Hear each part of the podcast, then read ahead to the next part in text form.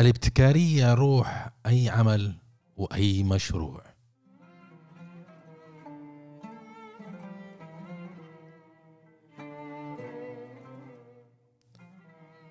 أهلا وسهلا فيكم يرحب فيكم محدثكم أنور الجنبي. واليوم حنتكلم عن توليد الأفكار. كيف نحصل عليها؟ هذيك الأفكار الابتكارية الأفكار الخلاقة الأفكار الجميلة.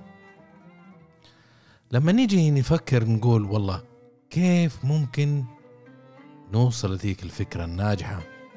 على حتحل لنا مشكلة؟ أو تولد لنا مشروع؟ أو ترسل صفقة؟ كيف حنعمل هذا الشيء؟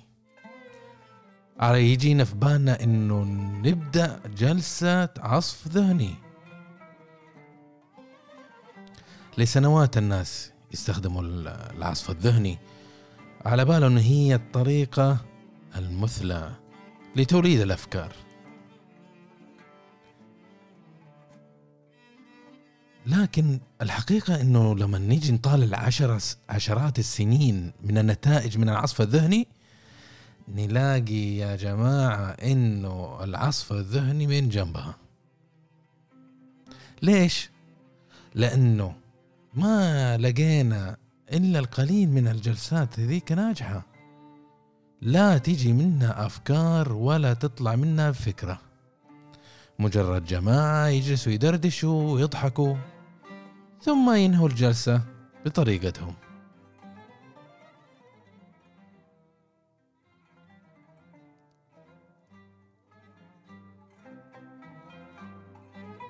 إذا خلينا نتفق فيما بيننا الآن. إنه العصف الذهني بحد ذاته ما هو حل. ليش ما هو الحل؟ خليني أشارك معكم. شيء صار معايا. قبل فترة إحنا اجتمعنا مع مجموعة في أحد المنظمات اللي كنت أشتغل فيها. اجتمعنا عشان نفكر مع بعض لحل مشكلة كبيرة كنا نواجهها في المنظمة. مع تقلبات السوق قلنا خلينا نجتمع مع الأشكال والألوان والخبرات ونحاول ننوع معروض الشركة. نعم البورتفوليو لكن لما جلسنا اكتشفنا إنه ثلاثة أرباع الحضور جالس وساكت. أما الباقيين كانت مشاركتهم ضعيفة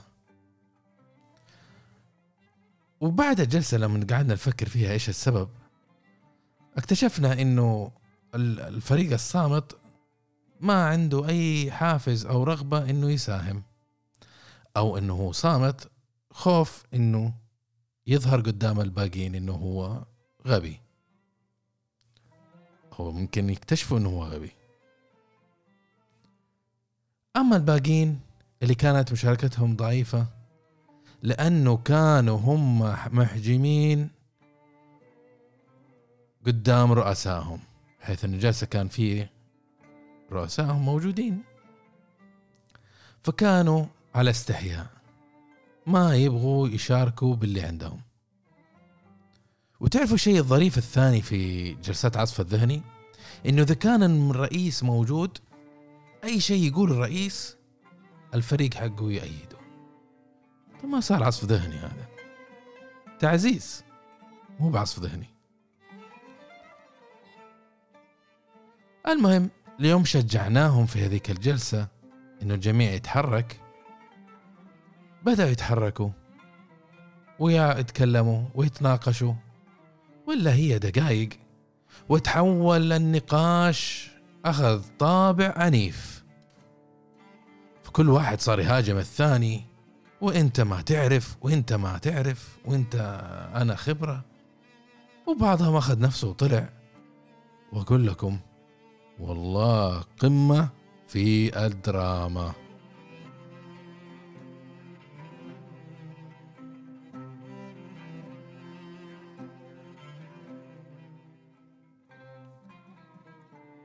يا جماعة العصف الذهني جلسة مهمة هي فعلا. وأنا شخصيا أتفق معها لأنه أنت جامع أكثر من شخص كسبجكت إكسبرت وكل واحد يدلو بدلوه. لكن لازم يكون في أسلوب وفكرة وقائد يحرك هذيك الجلسة ويحركها في الاتجاه الصحيح. في فكرة ثانية إنه منطقة الراحة إذا كانت موجودة فمنطقة الراحة عدوة الابتكارية والإنتاجية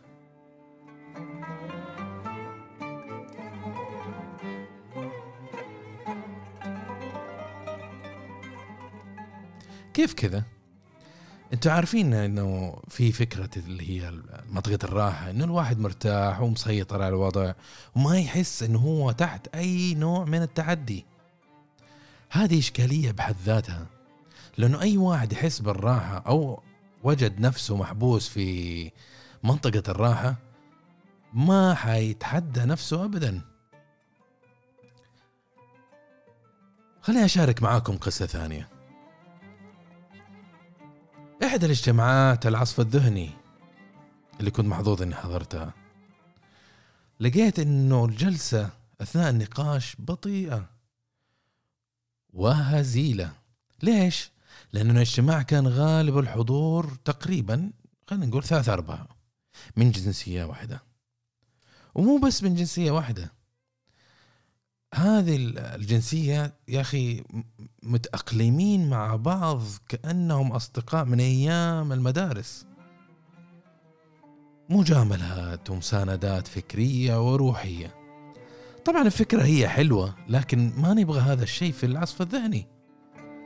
لأنه إذا الناس الموجودين قاموا يتنسقوا مع بعضهم ويخلون نفسهم في على نغمة واحدة ف ما حتطلع هذيك الفكرة. روح العصف الذهني مزروع في سالفة إنه الأفراد المشتركين في الجلسة يتحدوا بعض. أو ياخذوا أفكار بعض ويبنوا عليها ويحسنوا عليها وفي رثم سريع. طبعا الاجتماع هذاك فشل لأنهم كلهم ساكتين وطلع أفكارهم واحدة ما ما كان عصف ذهني كان تسليك. فلما جيت قلت لهم والله يا جماعة خلينا نسوي اجتماع الأسبوع الجاي لكن هنغير الأعضاء. فجبت أعضاء متنوعين. غيرتهم أخترتهم بنفسي. واحد من هذا القسم واحد بهذاك العمر واحد من هذا التخصص. وقلت خلينا نشوف إيش يصير. لما جينا طالعنا في الموضوع وبدأنا الجلسة يا جماعة الخير لقينا الفريق يقود نقاش ديناميكي. والإنتاجية عالية بأعلى المستويات. وكانت يعني مصبوغة بخبرة عميقة جداً.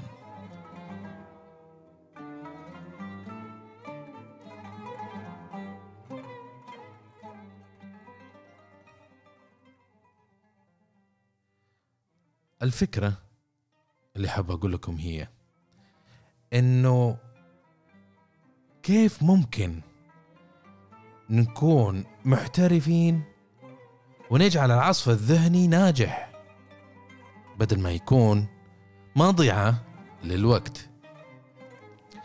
النقاط التالية عندي أربع نقاط حابب أشاركها معاكم اليوم في منطلق إنه كيف نجعل العصف الذهني ناجح. النقطة الأولى إنه كثير إحنا نفكر في في جلسات العصف الذهني إنه إحنا ابدا ما نسمح بالانتقادات إنما نجعل الأفكار تخرج وتنطلق. لكن الحقيقة هذه ما هي الطريقة الصحيحة. وهذه هي بحد ذاتها أسوأ فكرة ممكن تطبقها في جلسة عصف ذهني. الصحيح إنك تسمح بالانتقادات في جلسات العصف الذهني. طبعا تكون إيجابية وصحيحة بحيث تدرب أنت موظفينك كيف يستقبلوا الانتقاد وكيف يعطوا الانتقاد. لكن ليش نقول إحنا انتقادات مفيدة في جلسات العصف الذهني؟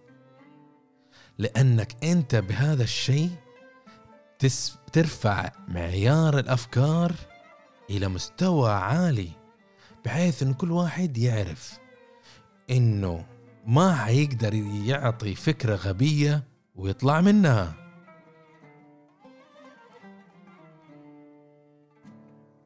والله في فرق عمل صراحة كنت نشتغل فيها لما نوصل في في جلسة عصف ذهني.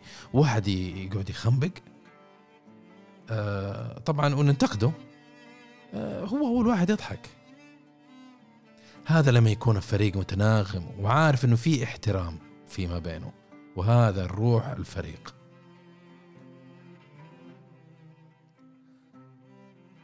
النقطة الثانية هنا اللي هو زرع الاحترام والتقدير بين أعضاء الفريق. يتقبلوا أفكار بعض يتقبلوا انتقادات بعض يتقبلوا كل شيء في يحدث في هذه الجلسة. ويركزوا ويعرفوا إنه الهدف الأوحد هي الأفكار الخلاقة. أما النقطة الثالثة هنا اللي هي لما أحد من أعضاء الفريق في الجلسة يعمل شيء كويس أو يجي بفكرة كويسة أو يجي باقتراح كويس لا تتركها تطوف. اثني عليه. اثني عليه قدام أعضاء الفريق. تزرع فيه الثقة وتزرع فيه التقدير وتشجع الفريق يصير الفريق كله يدري إنه إذا أحسنت هذه المكافأة في ثناء وتقدير وهذه ما تقدر بثمن.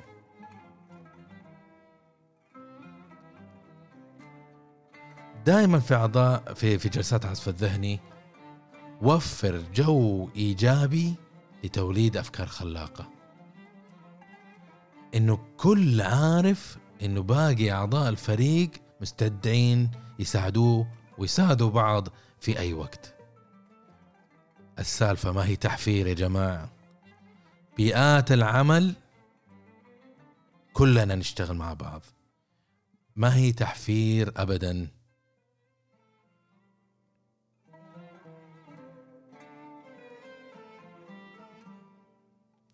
تذكروا معايا إن الابتكارية فن. وفن مهم.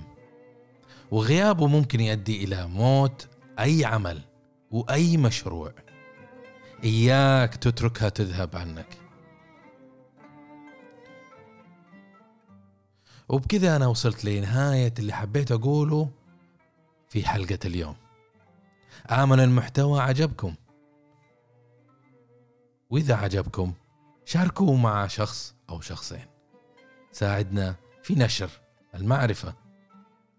وتواصلوا معاي على ال social media من إنستغرام ولينكدين وأتمنى إنك تشاركوني بمراسلة وتقولوا لي تجربتكم في موضوع العصف الذهني. وإلى لقائنا القادم بإذن الله أقول لكم في أمان الله.